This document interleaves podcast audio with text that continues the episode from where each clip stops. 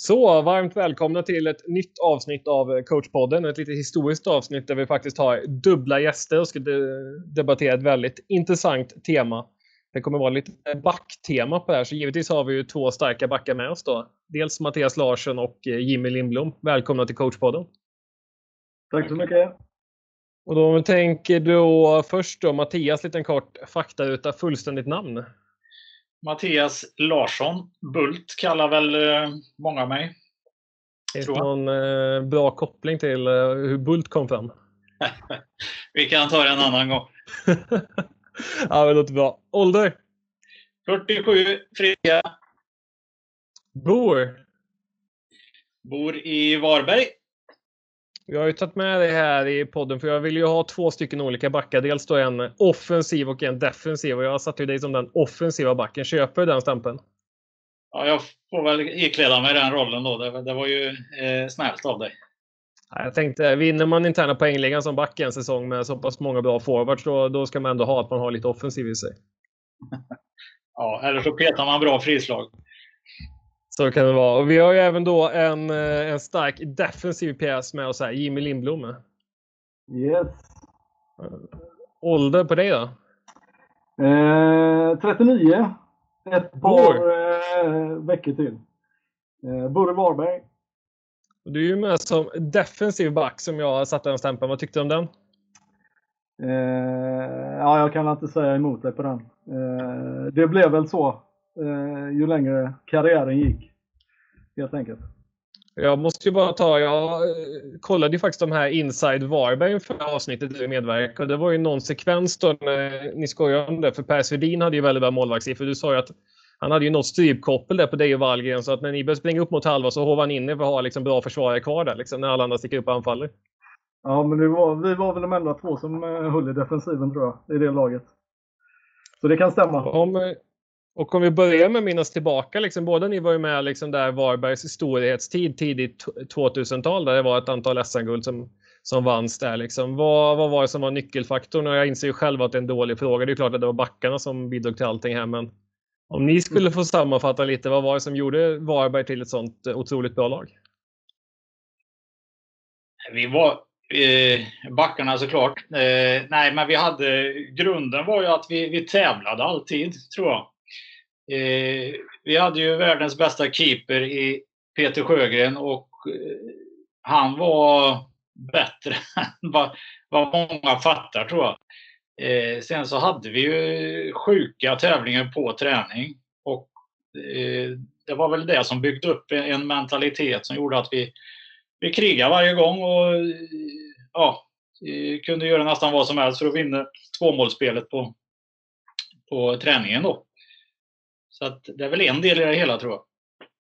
Jag kommer att tänka på liksom den backuppsättningen som fanns. Eh, Jimmy, vad var det för styrke, styrke i den? Uh, nej men det var ju, alltså vi hade väl egentligen alla typer av spelkaraktärer tycker jag. Uh, både de här defensiva, uh, jobbiga jäklarna att möta liksom och de här snidarna som Bult och Kim och ett gäng till där som eh, stod för glamouren om man säger så. Det är en liten eh, intressant, eh, om du skulle beskriva Bult som spelare, vilka, om du tänker på plan, liksom, hur var han då? Eh, ja, men han hade ju en otrolig blick för spelet och, och eh, grym teknik och sköna handleder och otroligt bra i en mot en när han hade bollen. Eh, vi gick ju knappt att sno den från honom när han, han var på det humöret. Eh, och sen hans eh, andra styrka var ju hans käft gick ju som aldrig förr på motståndarna med trash talk och jag tror aldrig jag stött på någon som, som har snackat på det viset som han har gjort. Eh, så jag är glad att jag spelade ihop med honom faktiskt. Och om man tänker Mattias, du samma fråga här liksom om du skulle beskriva Jimmy som spelare? Jimmy Alltså Jimmy var ju offensivt lagd innan. Han hamnade väl mer defensivt med eh, Kimmo till exempel. Där de gjorde en fantastisk femma. Så att Jimmy läste ju eh, spelet bra. Var ju ruggig närkamps... Alltså kom ju alltid ut med bollen känns det som. Eh, sen är det ju en, ja, som lagkapten och pådrivare så det har jag väl aldrig sagt till dig Jimmy så att du du var för jävla grym faktiskt. Det är kul att höra. Om man tänker den självklara frågan då, liksom, vi sitter här med två backar. Har ni som spelat i samma lag, har ni spelat i samma backpar någon gång? Nej, no, jag, jag, tror vi kan ha gjort några byten ihop tror jag faktiskt. Eh, men aldrig över tid spelade vi tillsammans. Eh, det var väl om vi gick ner på tre backar någon gång sådär att vi var något byte här och där. Men i övrigt så var vi i olika backpar i stort sett alltid. Ja. Mm. Men, om man tänker då liksom det här backpar. Jag tycker det är ett ganska spännande fenomen vad man söker. Liksom att, eh, i, om man tittar i NHL pratar de väldigt mycket liksom att du vill ha två offensiva backar som spelar ihop och två defensiva. Den typen av karaktär. Att, vad tänker ni liksom är optimala backparet? Är en offensiv en defensiv eller liksom? Jag, jag föredrar nog liksom en kombination eh, i det hela faktiskt. Eh, och det hör väl ihop med hur, hur min karriär har sett ut antagligen. Eh, men jag gillar ju att det kanske är en som är lite mer offensiv eh, och en som är lite mer defensiv totalt sett. Sen är det klart att om man tittar på innebandyn idag så, så ska de ju vara någon form av hybridspelare och lösa alla problem och vara bäst på allting. Liksom. Men, eh, men jag, ja, någon som har lite mer ansvar för det offensiva och någon som har lite mer ansvar för det defensiva skulle jag nog förespråkar faktiskt. Jag håller med där. Jag spelar ju många år med, med en kille som heter Staffan Simonsson. Han, eh, han var ju ruggig på att täcka skott och defensiv och han var ju inte över planhalvan mer än var tredje match. Det passar ju mig som handsken då och ha en som alltid täcker upp och eh, gjorde det här jobbet som, som inte så många kanske såg, men otroligt viktig. Att jag, jag gillar också den uppdelningen som Jimmy nämner här.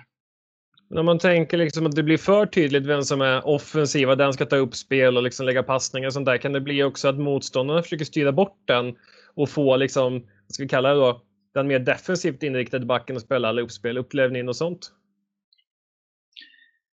det händer ju ibland att det blir något, någon sorts man-man-spel mot, mot den spelförande backen. Men det finns ju många lösningar på det också, att man kommer ner djupare med, med centern och, och spelar på den i fart istället. Så att, eh, jag upplevde det inte som något problem sådär eh, under den tiden vi lirade. Jag vet inte om Jimmy har någon annan åsikt? Nej, men egentligen, egentligen inte. Utan jag tror att alltså den, den som är mer den defensiva och kanske inte sköter lika mycket uppspel kan ju ändå göra ganska mycket utan bollen och det är väl det som är, eh, är liksom det viktiga i det hela i sådana fall. Att vad gör han? Står han och tittar på eller är han ändå, bidrar han med någonting och, och, på något sätt så, så brukar det lösa sig ganska bra ändå tror jag. Faktiskt. Brukar det vara mycket så att man vill ha en defensiv back på vänsterkant för att möta just motståndarens högerforward eller tvärtom? Eller liksom, hur har det funkat? Eller kommer det sig naturligt? Eh, nej, där, där, vi hade, så som vi spelade så var det ju i vårt liksom, försvarsspel så var det ju så att vi ville ha upp de flesta uppspelen från motståndarna på, på vänstersidan. Liksom. Så då blir det naturligt att vara en mer defensiva back spelare där. Eh, sen beror det helt på vad man har för spelsystem och, och vad man har för, liksom, var vill du bryta bollen på planen. Eh, sånt spelar ju jättemycket in. En klassisk sån här defensiv backfråga här som jag alltid går och grubblar på. Det är ju liksom det här. Man tänker att backkollegan har stuckit upp lite i offensiven för han är sugen på att göra poäng och så kommer motståndaren i en spelvändning en två mot etta. Liksom. Vad, mm. Hur tänker du agera i ett sånt läge när du har, har liksom två motståndare mot dig och liksom ska täcka upp båda? Eh, nej men det, det är också viktigt. Och det, eh, som man först och främst måste ha koll på det är vad vill målvakten? Vill han, vill han ha den bollförande spelarens avslut eller vill han ha passningen? Eh, det, det är liksom som med, med Sjögren i målet så var det alltid så. Han vill ha den bollförande spelaren mot sig eh, och backen tar passningen. Skär av den så mycket det bara går. Eh, och det kan ju vara tvärtom för någon annan målvakt. Han kanske hellre vill ha en sidledsförflyttning och, och ta den då istället. Eh, så att, eh, men annars är det liksom försöka, i det fallet när målvakten ska ta, ta avslutet, att man helst vill ha den från den som har bollen. Så, försöker man ju liksom skära av passningen så gott det går och, och, men samtidigt försöka styra ut bollförande i så dålig vinkel som möjligt. Så är det. Jag kommer att tänka liksom motsatt scenario här att vi har liksom bollen och Sven ska, ska jobba med att spela upp den. Att hur mycket har ni fått trilskat med det genom åren och träna olika typer av uppspel och den typen av lag? Att, eh, skiljer det mycket eller kan man leda samma spel jämt? Vi hade ju mycket, alltså egentligen inte supermånga varianter. Vi hade ju en grund. Och sen improviserade vi ganska mycket då i, i spelet. Eh, sen så tyckte väl jag det var rätt gött och, eh, om, om min backkollega stack så att man blir nästan en mot två. För att många gånger blir det att forwards tror att den andra ska göra jobbet så då kan man ju slinka emellan än om man hade en mot en, om, om du förstår tanken där. Eh, men jag tycker väl att man ska ha en grund såklart, eh, som man kan falla tillbaka på om man kör fast. Då kan det ju vara en enkel, det kan ju vara något sarg upp eller att man väggar sig upp på något, något enkelt sätt. Men ha, ha en grund och så sen eh, freebasea helt enkelt. Och en annan het debatt som jag tycker är ganska intressant är när man pratar om det här med back-backpassningar. Det är väl lite slarvigt uttryckt. Det kan ju vara jag har valt att använda ordet avlastande passningar i egen zon för till exempel högerback-uppspel, skicka över till vänsterback, vänsterback hittar inte, skicka tillbaka. Vad tycker ni om det? För det är ju många som har jagat genom åren. Det var ju någon som ville få till någon slags offside där, där du liksom inte får stå för många och så här. Men, men alltså det, det är väl ofrånkomlig på något sätt. Eh, så länge inte liksom, motståndarna kör någon form av fullplanspress. Eh, sen kan man ju bli jävligt trött när man sitter och tittar på en match där de slår 20 passningar innan det händer någonting överhuvudtaget. Eh, såklart. Eh, och det vill man väl komma ifrån kanske. Men när man hamnar i ett sånt där läge, det blir liksom mycket back-back-passningar. Tror ni att det är en effekt av att man inte hittar upp en passning framåt eller är det någon medveten strategi att man vill lura upp motståndarna för att de ska tröttna också och komma upp och liksom försöka sno bollen? Det är nog lite grann vad matchbild och resultattavla och sånt säger också. Då, att står det 5-3 och det är tre minuter kvar till exempel, då finns det ingen anledning att anfalla. Så att eh, lite grann är det väl. Jag tycker ju som Jimmy är inne på, det är att, att eh, ska man klaga på ett tråkigt spel så får man ju agera någonting emot det också. Då. Så att eh, det, är ju, det är ju vilken matchbild man som lag också vill ha.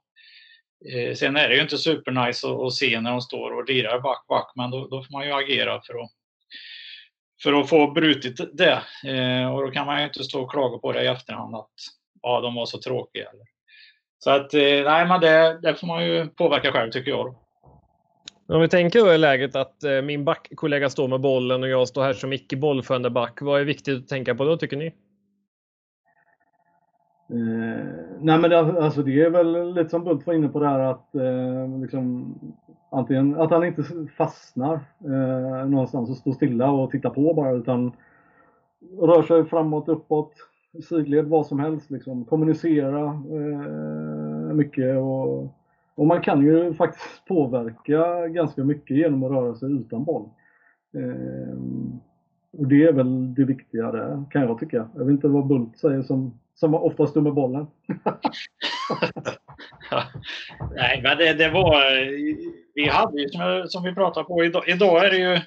Det är klart, det blir ju en kan man som back göra sin spelare så, så blir det ju rätt goda ytor där bakom.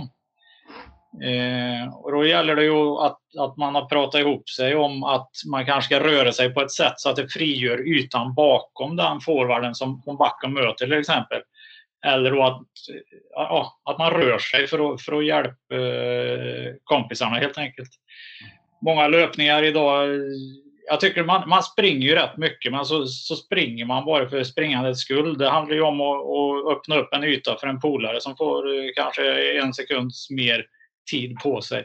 Så att, eh, ja, den utan boll fyller ju en stor funktion i, i att avlasta den bollförande backen också. Mm.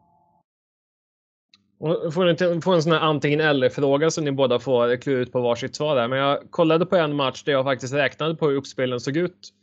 om man tänker då som försvarande lag i ert scenario här att antingen så kommer ju då mycket uppspel längs kanterna, det här klassiska L-uppspel, vänsterback över till högerback, högerback, sarg upp och så ska man agera mot det. Eller som då andra laget spelade, att det var väldigt mycket bolltransport. Man spelade väldigt mycket av deras högerback ska trampa in med bollen i offensiv zon och sen liksom utifrån det vara ganska spontan. Vilket skulle ni säga är svårast att möta? Ja, det, är ju, det är ju när eh, högerbacken går in med bollen. Eller vänsterbacken spelar ju egentligen ingen roll. Eh, det tycker jag. När de kommer med fart är ju svårare att möta. Ofta står man ju ganska stilla på något sätt. Eh, det, det är nog det svåraste tycker jag. Tjusningen med, med de här grejerna som du tar upp, det är ju det här att det blir ett schackspel under matchens gång. Just hur man kan anpassa sig efter hur motståndaren gör lite grann också. Då. Eh, så i vissa fall vill man ju ha till ett L-uppspel till exempel.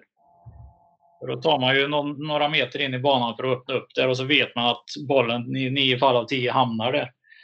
Så att, eh, ja, nej, det är lite schack av det. Och i det här schackspelet då, hur viktig liksom är kommunikationen med backkollegan? Pratar man mycket under match eller beror det på vem man spelar med mer? Ja, men den, den dialogen hade man väl hela tiden. Eh, vi, ofta i alla fall i den formationen jag spelade i så var det ju så bestämde vi ganska mycket när vi satt eh, på bänken. Eh, nu vill vi testa detta uppspelet, eh, vi vill få upp bollen där, eh, på vänstersidan eller högersidan eller i mitten. Alltså så, så att det, mm, ja, ja, väldigt mycket kommunikation faktiskt. Eh, för någonstans under liksom matchens gång så hittar man ju olika luckor och, och svagheter hos motståndaren som man vill utnyttja. Liksom. Eh, så att, eh, ja. Det var ju även på plan då såklart. Och det, det är ju, hade motståndaren en, en sunkback till exempel, då, då kunde man ju ganska enkelt eh, sätta pressen när den här eh, med stela handleder fick bollen och så, så styrde man ifrån andra hållet så att säga så att den spelförande backen då hamnade ur, ur spel. Så att och mycket kommunikation även under bytena såklart. I alla fall i våran, i, i, vi som var i slasklinan. Jimmy var ju i glamour där. ja, just det. Eh, två andra sådana här klassiska härliga backutmaningar som jag tänker att man gärna missar att träna på. Liksom. Och, det kan, och det kanske är svårt att träna på, men den ena är så här hur blir man bra på att täcka skott? Finns det något hemligt knep på det? Eh, du ska, Bult, tar du den eller? ja, jag passar. eh, nej men det är klart, allting går ju att träna på, så är det ju. Eh, det, så som jag jobbade och, och, många andra defensiva kollegor som jag vet, det är ju liksom att vara pålästa på de motståndarna man, man möter. Eh, ta något eh, idag, Galante till exempel idag. Eh, motståndarna idag, man vet vad han ska göra. Eh, han, han bågar eller skjuter direkt liksom. Ja men vad vill han göra det på planen? Ja det är där och där. Ja, då har man, får man ha koll på det och sen är det ju liksom vara följsam, eh, vara modig såklart. Fan det svider ju när den kommer, det är 150 knyck liksom. Eh, och sen är det som många faktiskt missar tycker jag när jag sitter och tittar på innebandy, det är att använda klubban. Eh, framförallt när de bågar spelarna. Eh, så lägger man ofta liksom klubban längs med sin egna kropp, kropp istället för liksom upp mot skytten. Eh, så fort de skjuter i sådana fall så är det större chans att du, du liksom kan eh, att man får ett ihopslag på klubborna liksom. Eh, och sen annars på träningarna så, så var det ju liksom, ja men en mot en situationer kan du ju träna liksom, täcka skott. Eh, skottövningar som du har med, mål, med målvakterna, fan, där kan du ju ha en gubbe som täcker skott liksom. Så att det, det går om man bara vill. Eh, och sen är det ju också liksom, vad vill din målvakt ha avsluta? Beroende på vilken, vilken, eh, vilken del av planen den är på. Och då tänker jag lite så här, eh, jag vet jag och Sjögren hade liksom så här, ja, men när den kom ut på vänsterkanten då ville han ha, han ville alltid ta första stolpen och jag skulle täcka bortre. Eh, lite så här som handbollsspelarna jobbar i försvarsdelen eh, idag. Där är det ju väldigt uttalat att ja, men går han upp från 9 meter och skjuter då är det liksom utspelaren täcker den vänstra stolpen och målvakten till höger. Liksom. Eh, jag tror man kan använda det ganska mycket i innebandyn också utifrån olika situationer på plan. Eh, ja, ett samarbete med målvakten är ju otroligt viktigt också. Eller så håller man sig undan skotten för det svider ju så. Det kan man också göra. Och, och förlita sig på målvakten. jag tyckte, och det är, det är otroligt intressant det här liksom. Du nämnde att dagens backar använder för lite, för lite mer nästa fråga liksom. Om vi tittar liksom utvecklingen att de backarna som är aktiva idag, liksom, om vi generaliserar lite, är någonting som de saknar i och med att liksom, som fanns förr, i och med att mycket var ju faktiskt bättre förr. ja.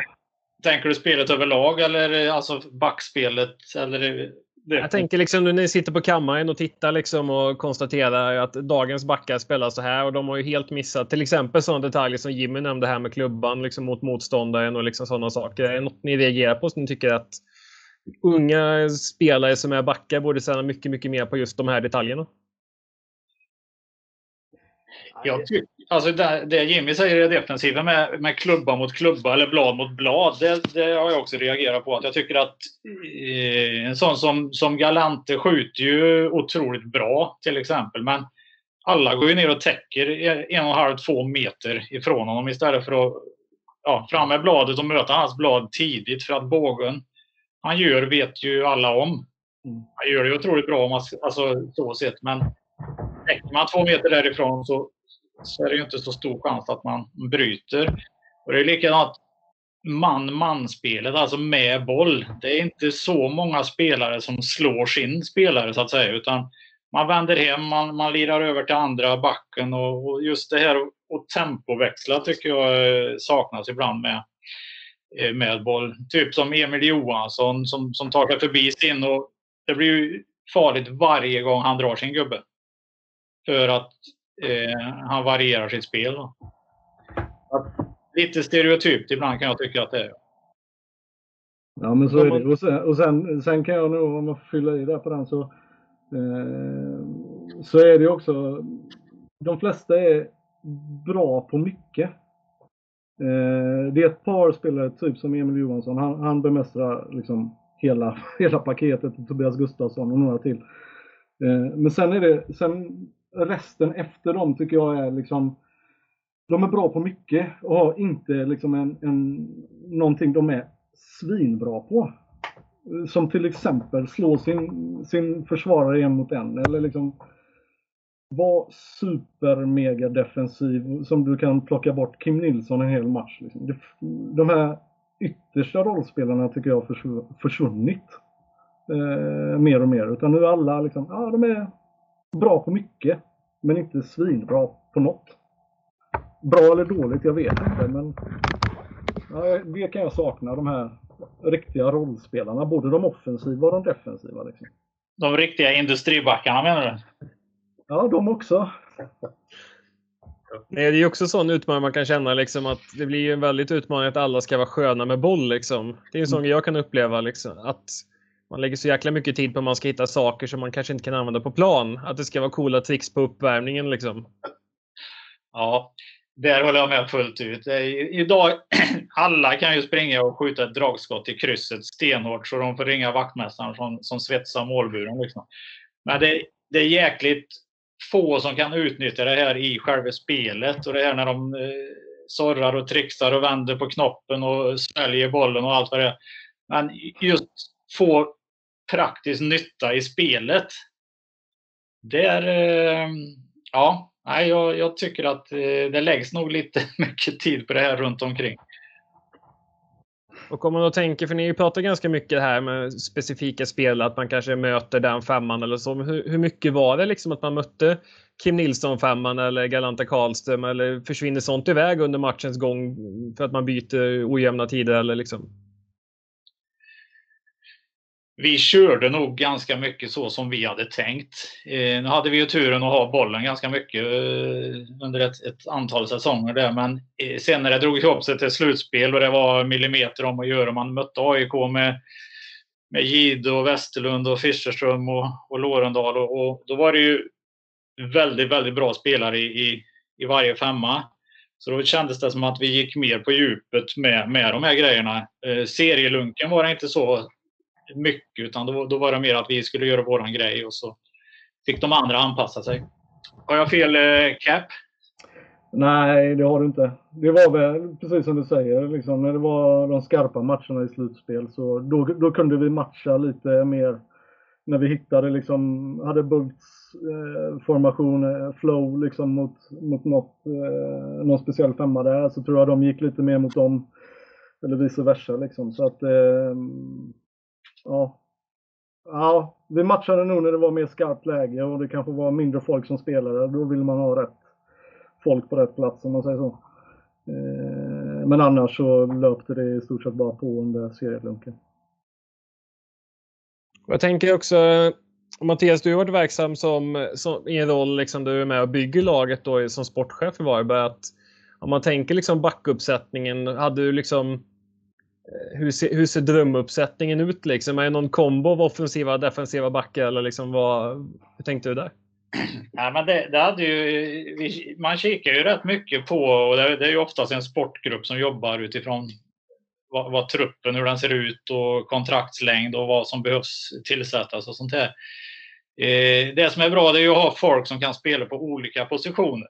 Alltså att du kan ha en som kan gå både center och back till exempel, eller eh, forward och center. Och, eh, som kan ja, som kan laborera lite grann med om, om det blir skador eller att man kör fast och så vidare. Men eh, det är klart att spetsiga backar som gör poäng framåt, det är ju det blir ju en extra krydda i, i, i, spelet för att många gånger är det så att forward ska göra poäng och, och allting sånt där. Har du då någon back som gör en, två poäng per match så är det en bonus nästan. Så att vi, man kollar ju lite grann just att få in eh, sådana spelare. Men det är ju inte jättemånga som, som har den. Eh, det var ju Östholm eh, några år där när han back, han är ju mer center nu, men som, som Tobbe och Nilsbert och sådana gubbar som kan göra avtryck både framåt och bakåt de, de var ju få och, och helst hittar man ju något guldkorn ifrån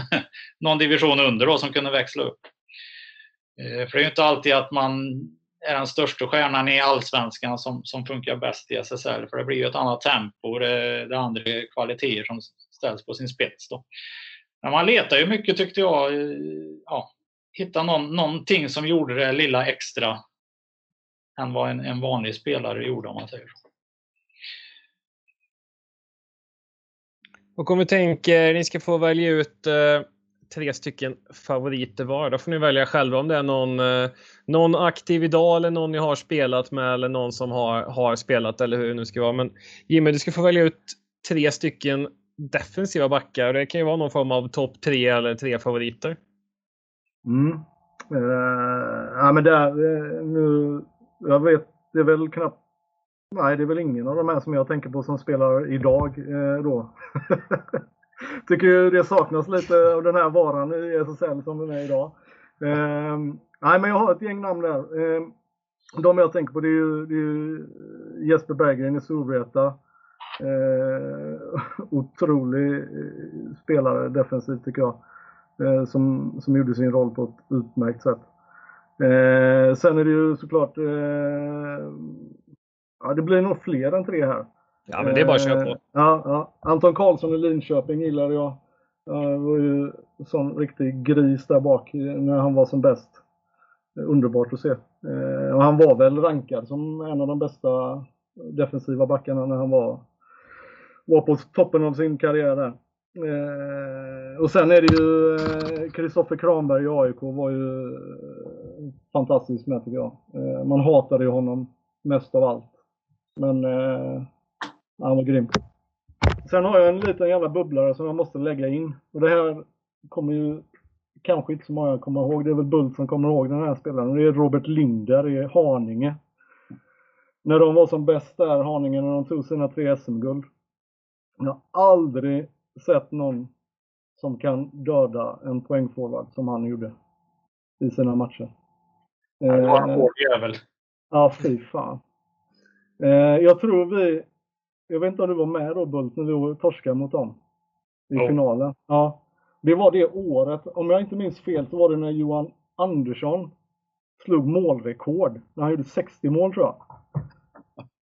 Mötte Jönköping Haninge i kvartsfinal tror jag det var. Han gjorde inte ett mål. Johan Andersson. Och ni kan ju gissa vem det var som markerade honom. Ja, han var tuff. Han var Ja, stenhård. Ja, hans handleder var kanske inte de bästa i världen, men han visste hur man eh, plockar bort en forward i alla fall. Jag, jag var forward på den tiden. Jag stack och bytte varje gång han kom in. Ja.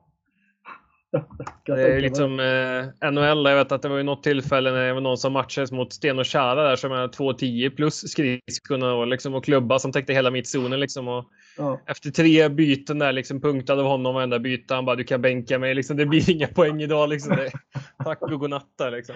ja, det, var, det är väl ungefär så med honom tror jag. Men Mattias, du har ju fått då motsatt uppgift. Eh, sätta ihop en, eh, ett gäng offensiva backar som kanske är då din topp tre eller några av dina favoritbackar. Det finns ju så jäkla... när man backar bandet så kan det ju, man kan ju rabbla många namn och även idag som, som man gillar. Och nu sitter man ju fet och jävlig och trött och gammal och då kan man ju vara expert på, på, på i soffan som det är nu då.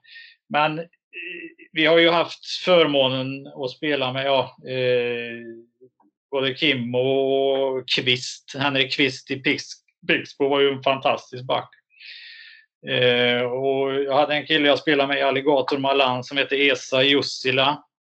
Spelade center mestadels när vi var ihop, men han var ju back också i finska landslaget. Där Han var ju, han var ju närmare tre meter lång och, och nådde ju alla bollar och ett fantastiskt spelsinne. Så att, eh, eh de är ju bra bakåt i tiden, men om man tittar idag så jag gillar ju Enström som har gått ner där. Jag tycker ju han eh, han gör ju avtryck på matchbilden. Jag gillar ju när när man kan styra tempot i en match. Eh, nu var det någon match häromdagen eh, brott Brottman satte upp han i kedjan. Då, genast då blir det chanser. Alltså han, han, han är oerhört bred och just det här att han kan läsa spelet, uppspel, göra sin gubbe. Eh, nej, jag gillar honom.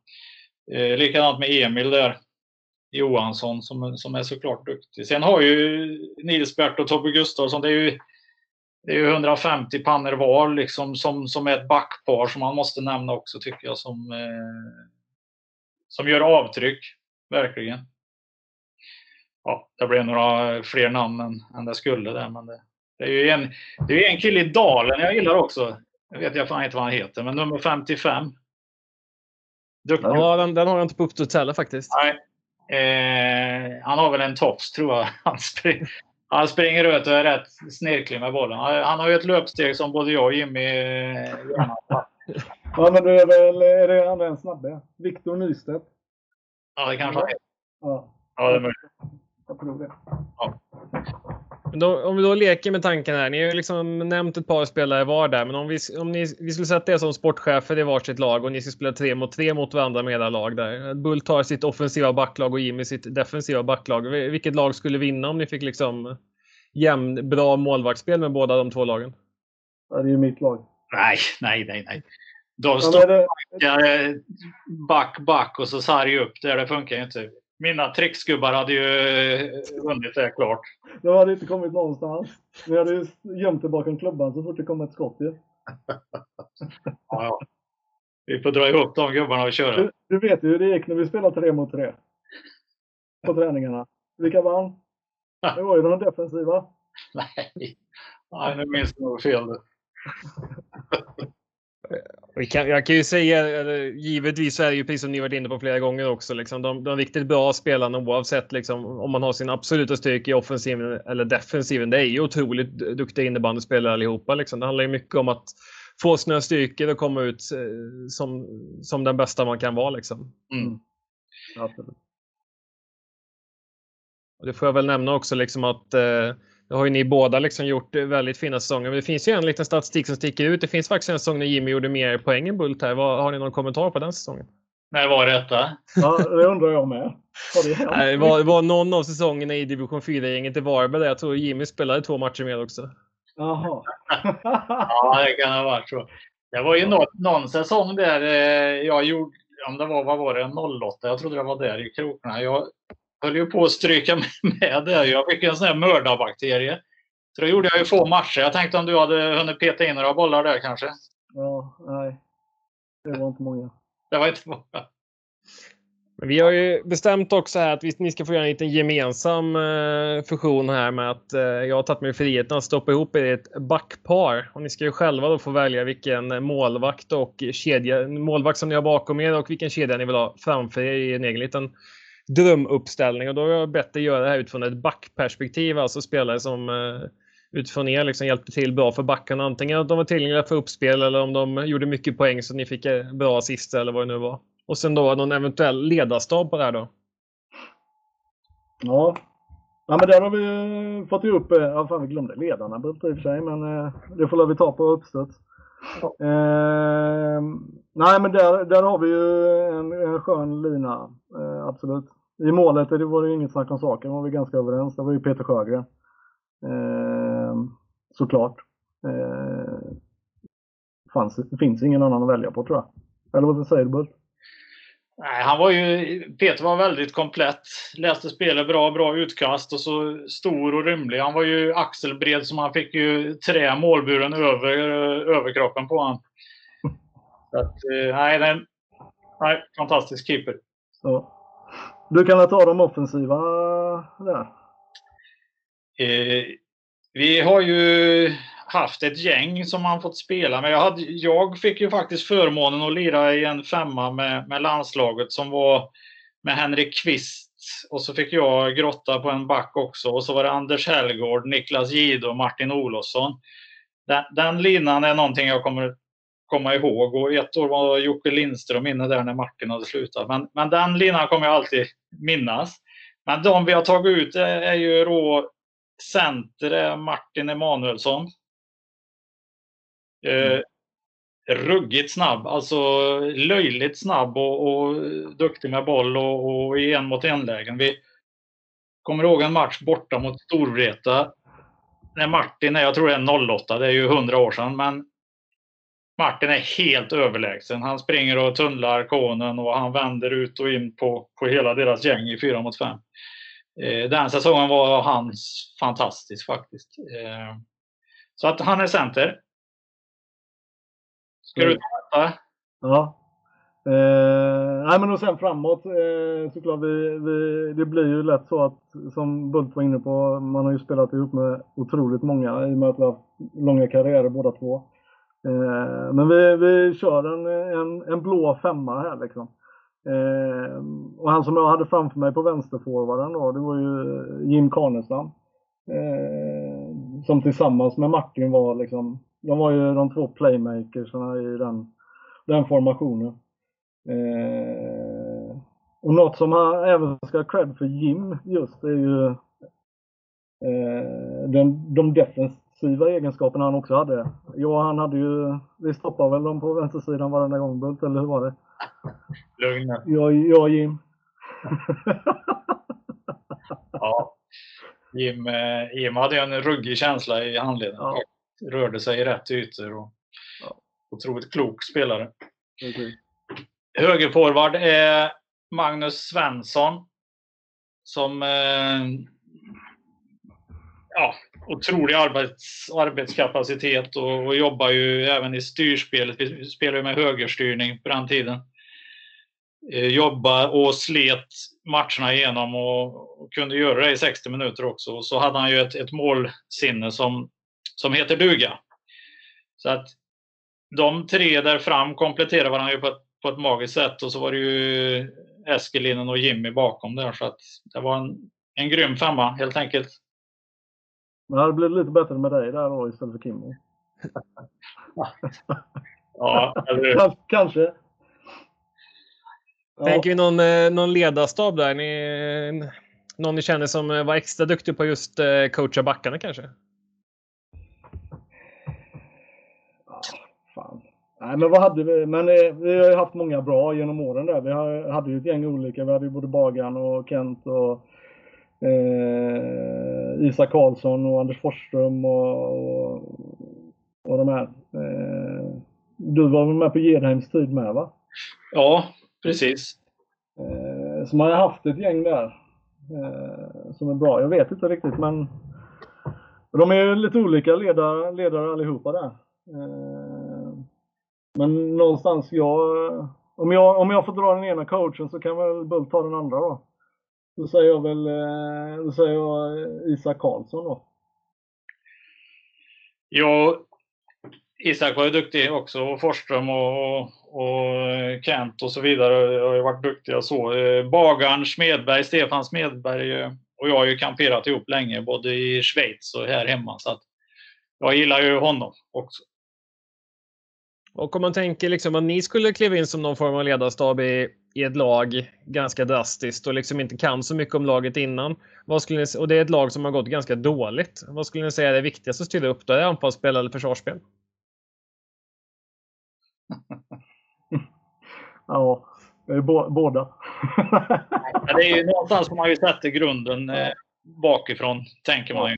Att eh, rasslar det hejdlöst bakåt så, så, spelar det ingen roll om, om man börjar pilla i, i det framåt så att säga. Så att jag tycker nog att man ska dra en grund bakifrån och sätta ett försvarsspel som funkar. Så får man ju ta det därifrån. Och det var väl egentligen så som vi alltid jobbade i stort sett alla åren som vi spelade ihop i alla fall.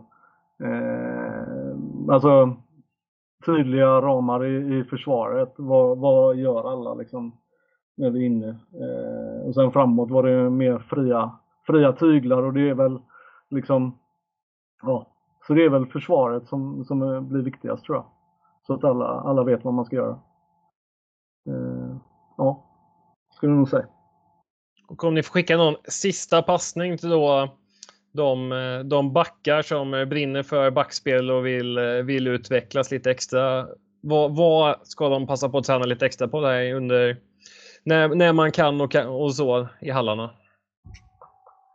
Ja, om, om jag får tycka till om det offensiva där då så är ju eh, tre mot tre, en mot en, alltså alla de här eh, övningarna där det ges eh, kampmoment och att man på ett vis tävlar mot en annan. Eh, där tycker jag man ska lägga fokus då om man vill utveckla det offensiva.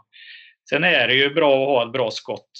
Alltså eh, det handlar inte om att skjuta i 380 km i timmen utan mer att man skjuter förbi täcket. Alltså att man har ett bra skott som når fram. Det är, det är väl det som, som eh, jag tycker är eh, nycklarna i ett, ett offensivt backspel. Nej mm. men så är det ju. Eh, nej men och, och, även liksom som du är inne på där, en mot en och tre mot tre och de här spelformerna. Det, det är ju inte bara för att liksom eh, bli bättre offensivt, det är även för det defensiva. Och där, där kan man väl känna, eh, både jag och Bult är ju ledare idag i, i, i lite olika åldrar och eh, på ungdomssidan idag. Och där kan man väl sakna att ja, det är viktigt för dem att liksom göra bort sin gubbe när de har bollen, men inte lika viktigt att försvara. Att bli bra på det och vinna tillbaka den snabbt. Så där tycker jag nog att, i alla fall vad jag har sett, nu kan inte jag säga för hela innebandy Sverige hur det ser ut, men så slarvar kidsen ganska mycket med det och inte tar det på allvar. Att försvara på ett bra sätt. Mm. Faktiskt. Eh, ja. Och det var väldigt kloka ord och bra tips och det blir ju någonstans eh, slutpunkten för detta lilla specialavsnitt med backtema. Och eh, ett stort tack till er båda för att ni har medverkat i coachpodden. Ja, tack, tack. Tack själv för att vi fick vara med.